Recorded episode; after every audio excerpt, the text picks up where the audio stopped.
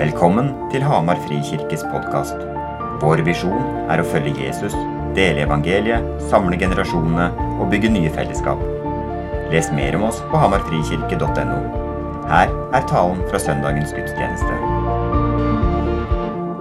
Jeg skal, eh, jeg skal få lov til å Eller få lov til, jeg har jo jeg har bare bestemt meg for det, egentlig. Men, men eh, jeg, jeg, skal eh, fortelle en, Det blir litt annerledes tale i dag. I hvert fall annerledes hva jeg pleier å gjøre. Vanligvis, så, eller I utgangspunktet så er det jo um, Vi følger Jesus sammen i, i, fokus.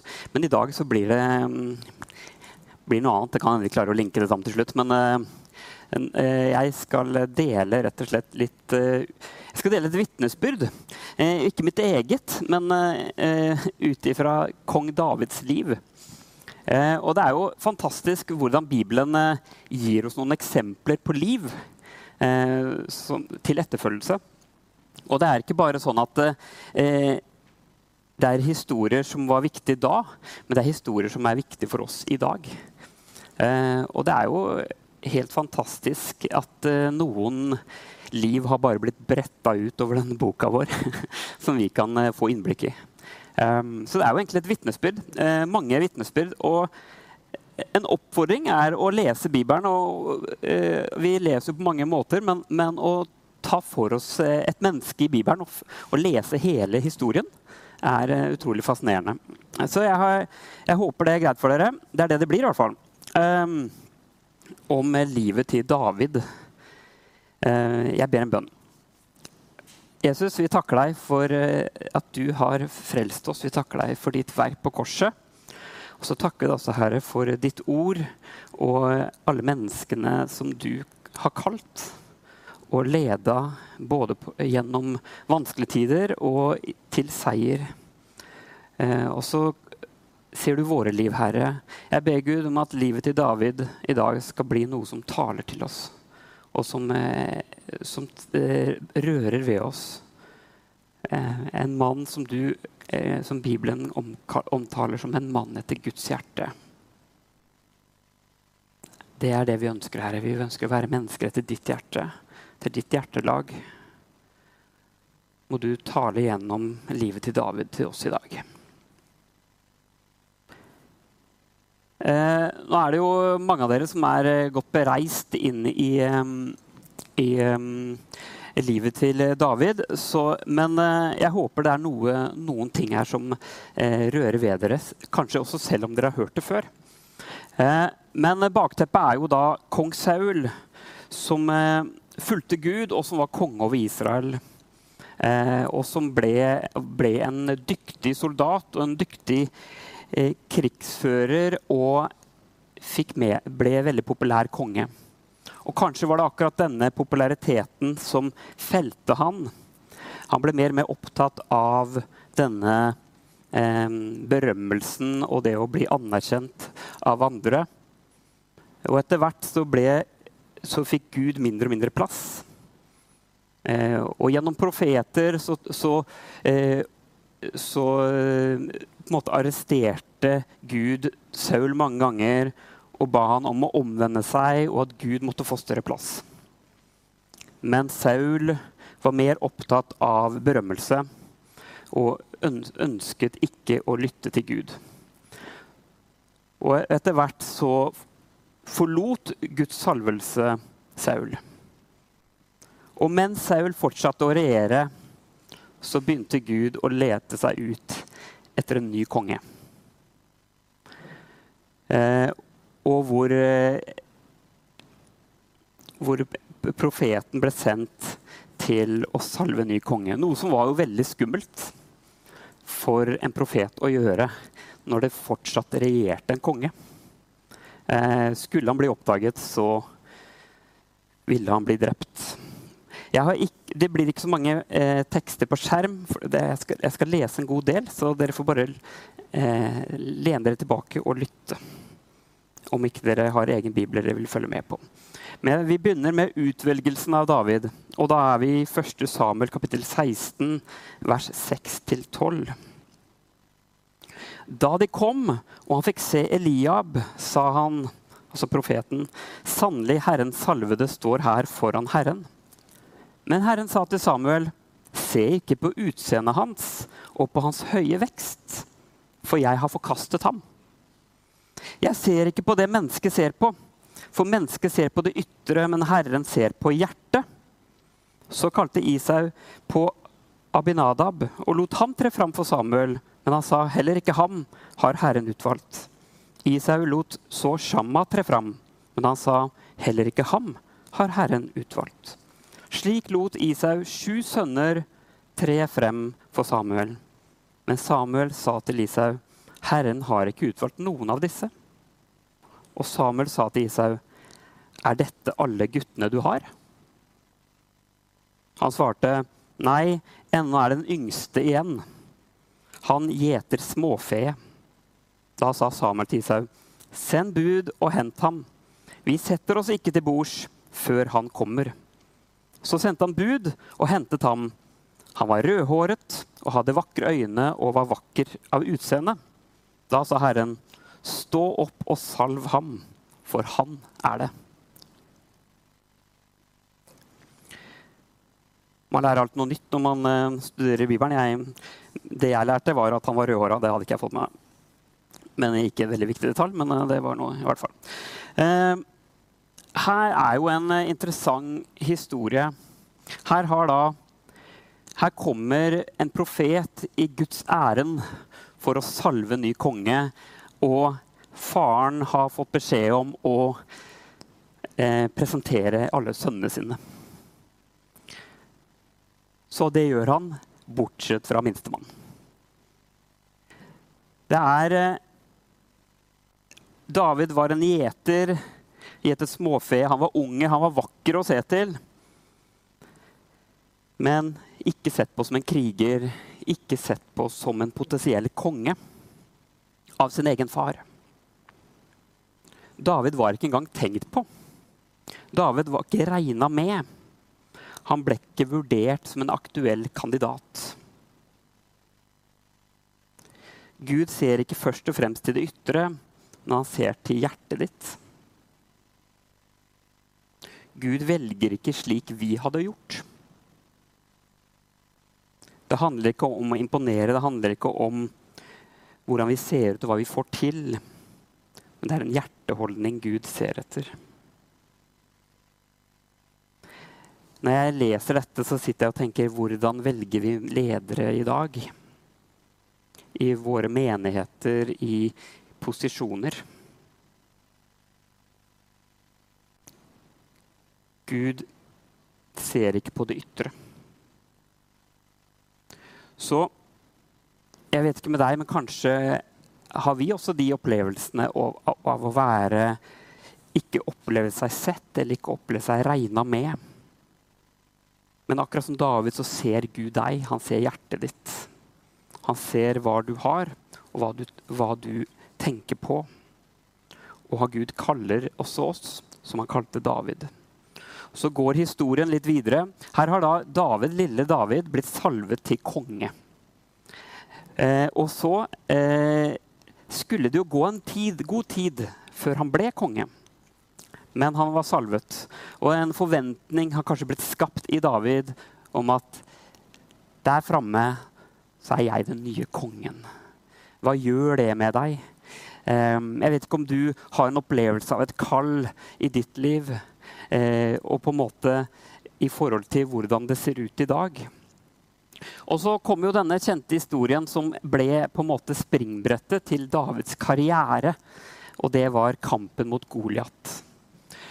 Men her handler jo det om at David, lille David har fått beskjed om å dra opp dit der det skjer, for å gi mat til brødrene sine de som var soldater. Og David kommer dit, og så ser han denne Goliat, denne filisteren, som trer frem, og alle israelittene er livredde. Brødrene er livredde, alle er livredde. Ingen tør å gå imot. Og der står David. Men David blir ikke redd. Han blir provosert. Hvordan våger han å snakke sånn om min Gud? Det var noe David hadde som var noe helt annet.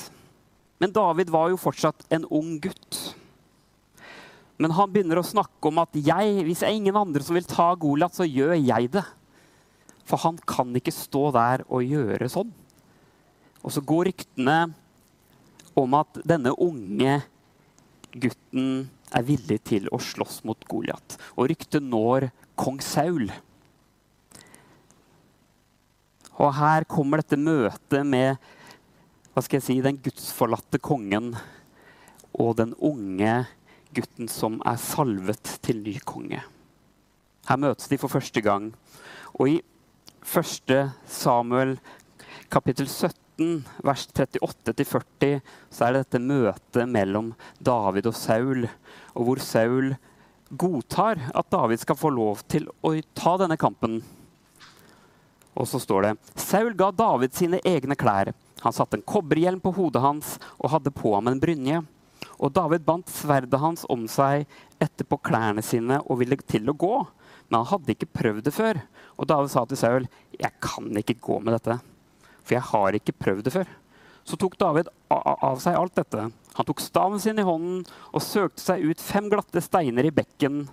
Dem la han i gjetertasken som han hadde med seg. Og slyngen sin hadde han i hånden. Så gikk han fram mot filisteren. David kunne ikke være Saul. David kunne ikke ta på seg denne rustningen eller dette, dette utstyret som Saul kjempet med.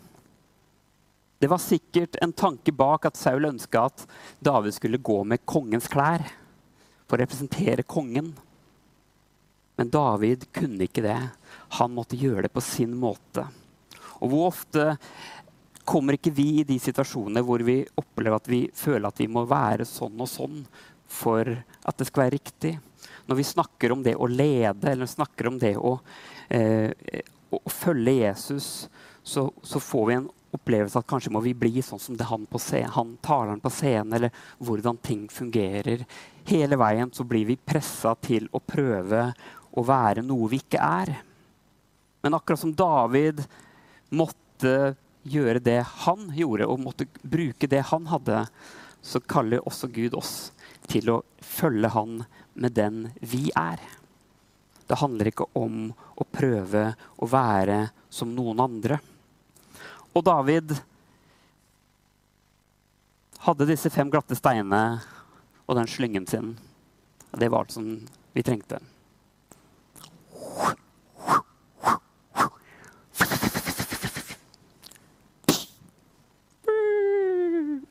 Vi kjenner historien. Goliat gikk ned. Og David ble den store helten. Han som eneste som ikke ble redd for denne kjempen, men som hadde et hjerte av Gud, og som ble provosert når noen snakket imot hans Gud. Og her har vi endret, endret alt seg for David. De skrev sanger om David, om hvor mye større leder David var enn Saul. De skrev, de skrev sanger om hvor, eh, hvor mange eh, Saul bekjempet, og hvor mange flere David bekjempet. David ble liksom den store, nye lederen. Men fortsatt så var Saul konge. Saul blir misunnelig. Han er misunnelig på Davids berømmelse. Og det ender med at Saul bestemmer seg for å ta livet av David. David står i veien for mitt kongedømme. Kan du tenke deg åssen David har det? David må flykte. Han har med seg masse menn som han flykter sammen med. Men kan du tenke deg disse tankene og følelsene som David sitter med? Jeg er jo salvet til konge. Og så og så prøver kongen å drepe meg. Det er jo ikke rettferdig. Jeg skal jo være konge. Det er jo jeg. Jeg er jo fremtiden. Jeg vet ikke med deg, men jeg har ofte en opplevelse av at det jeg opplever Gud har sagt, og det jeg opplever skal skje, er så langt unna realiteten. Vi kan, vi kan, tenke på hva vi tror Gud kommer til å gjøre for Hamar, for Norge. Og så ser vi kanskje Norge går i en helt annen retning enn det vi ser for oss skal skje. David holdt fast på Guds løfter, selv når det så ekstremt urealistisk ut. David var salvet til konge, men selv var han på flukt fra kongen, for kongen ville drepe ham. I 1. Samuel kapittel 24, vers 8, så kommer vi til en situasjon hvor David har en gyllen anledning til å bli konge. Så dro David opp derfra og holdt seg til fjellborgene ved Engedi. Da Saul kom tilbake etter han hadde forfulgt filistrene, fikk han spurt at David var i en Gedis ørken. Saul tok da med seg 3000 mann, som han hadde valgt ut blant hele Israel. De dro av sted for å lete etter David og mennene hans på Steinbukkbergene. For her var da Saul ute etter David for å drepe ham. Han kom da til sauekvenet ved veien. Der var det en hule og Saul gikk dit inn i et nødvendig ærend.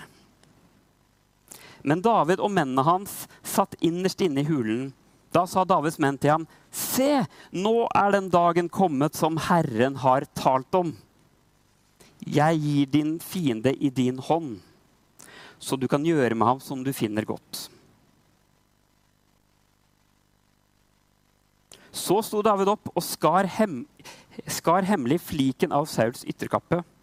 Men deretter slo samvittigheten David, fordi han hadde skåret fliken av Sauls kappe.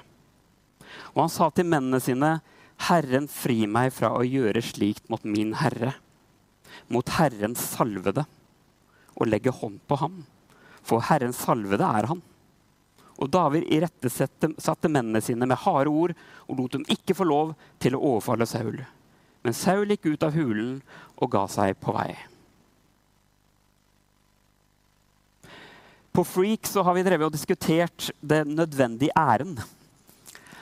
Om det var bimmelim eller bommelom. Men det, det, har vi ikke funnet av ennå. Men uh, her kommer da Saul inn i denne hulen hvor David og sin gjeng sitter.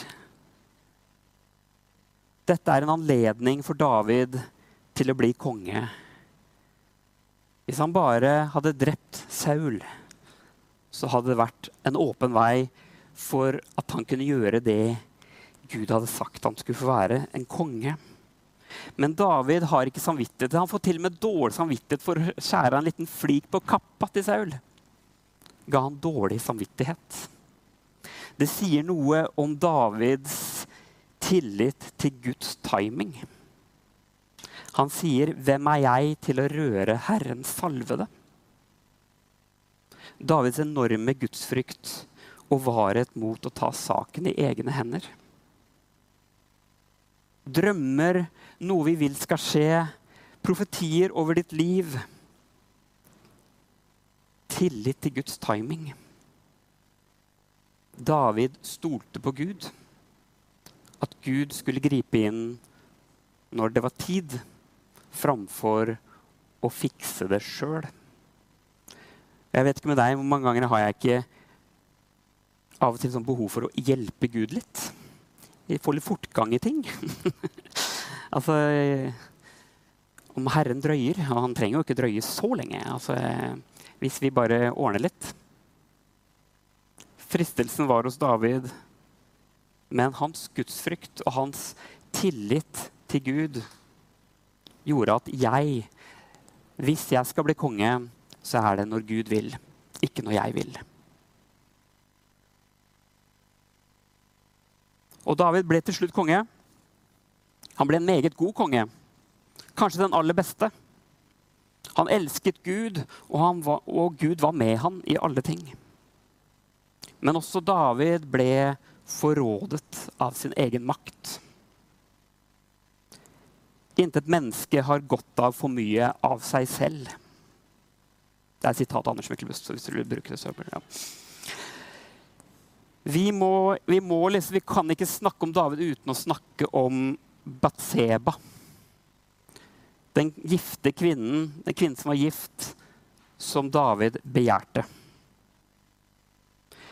I 2. Samuel kapittel 11, 2-5 Så hendte det en kveld at David sto opp av sengen og gikk omkring på taket av kongens hus.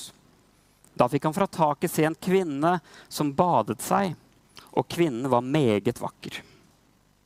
David sendte bud og spurte seg for om henne, og de sa det er jo Batseba, datter av Eliam og hetitten Urias kone. Da sendte David bud og hentet henne. Hun kom til ham. Han lå hos henne. Like etter at hun hadde renset seg fra sin urenhet, så gikk hun hjem igjen. Kvinnen ble med barn, og hun sendte bud om det til David og lot si, 'Jeg er med barn'. David så på det som sin rett å ta til seg Batseba og ligge med henne. Hun blir med barn. Og så skriver David senere til sin krigfører i krigen.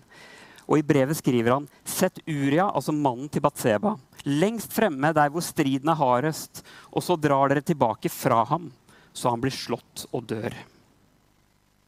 Davids ønske på Batseba ble så stort at han var villig til å sende hennes mann i døden, slik at han kunne ta Batseba til sin kone. Og dette her er jo David på sitt verste. Mannen etter Guds hjerte. Han som fulgte Gud, og Gud som var med han. Midt oppi dette så ser vi at makten David hadde, forrådet han. Og Det verste med denne historien er kanskje ikke selve handlingen, men det verste er kanskje han har ikke dårlig samvittighet for det. David tenker ikke at det er noe galt. Var makten hans så stor at han tenkte han hadde rett til å gjøre dette? Eller var begjæret så stort at det overskygget hva som var rett å gjøre? Så går det en stund, så blir han konfrontert av Nathan. Profeten Nathan. Og når David blir konfrontert av Gud, så knekker han fullstendig sammen. Utrolig nok, David har ikke sett på dette som en ond gjerning. Men nå skjønner han hva han har gjort. Her skiller David seg fra Saul. Han underordnet seg Guds dom. Konsekvensen for hans synd ble at barna han hadde fått med Batseba, måtte dø. Konsekvensen av synd nå ønsker jeg ikke at vi skal ta det direkte overført inn i vår situasjon der, eh, der eh, sykdom er pga. vår synd. Det blir altfor enkelt. Vi lever i en fallen verden, og det er forskjell på Gamle og Nytestamentet, men dette krever en samtale i seg selv. Så det vil ikke jeg gå inn i. Men, men sak, situasjonen er her at det ble en hard dom over dette barnet til David pga. hva han hadde gjort. Og her kommer det, Nå kommer jeg mot slutten. Og her kommer det til noe som jeg som har truffet meg eksplosivt. For meg så er dette en sånn wow. Her har vi da en situasjon som, kan, som sier noe om Davids tro og tillit til Gud. Kanskje er dette noe av grunnen til at han kalles en mann etter Guds hjerte. For det som nå skjer, er dette, at dette barnet blir sykt og må dø. Mens dette barnet er syk og døende, så er David i faste. Han ber om helbredelse. Han ber om at kanskje Gud må endre hva han har sagt. Han ber og han ber. Kler seg i aske, ligger på gulvet i syv dager og ber om at Gud skal endre mening. Og så skjer det noe rart. Når barnet dør, står han opp, vasker seg og lovpriser Gud. Dette her har blitt en sånn som har truffet meg veldig når jeg sitter og forberedt meg. Når det da ikke ble som han ba og håpet, så lovpriste han fortsatt Gud for hans godhet. Vår mangel på bønnesvar former ofte guden vi tror på. Men Gud er større enn det vi forstår. Vi tror jo på helbredelse, og vi ber om helbredelse. Men hva når det ikke skjer? Er Gud fortsatt like stor? Kanskje var det noe av derfor at Jesus sa Salig er de som tror uten å se. Her er det mye vi ikke forstår. Men kan vår tro til Gud være større enn våre drømmer og ønsker for dette livet? Selv når det handler om menneskelige kriser. Vi ser et liv hos David som, hvor han var ærlig. Han klagde mye til Gud. Vi kan lese salmene hvor, vi, hvor du har alt, både lovprisninger og klager til Gud, hvor han roper til Gud. Gud, hvorfor har du forlatt meg? Men vi ser aldri en endring i at David visste hvem Gud var. David visste hvor stor Gud var. David kjente Gud. Helt fra han var liten gutt, så har han kjent Gud. Og i det derfor visste han hvem Gud var. Derfor visste han også at det var plass til klagesang. Han visste at det var plass til lovprisning. Men når alt kommer til alt, så er det Gud som bestemmer. David, Vi kan se et helt liv hos David hvor han underordner seg Gud. Hvor Gud er øverste autoritet i livet, i alle ting.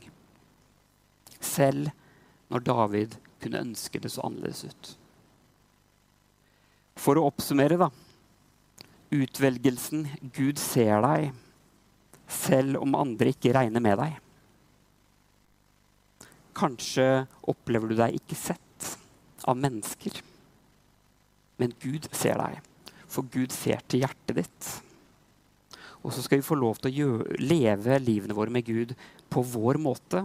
Ikke kopiere noen andre, men at vårt kall er unikt mellom oss og Gud, hvor Gud har gitt oss noe spesielt.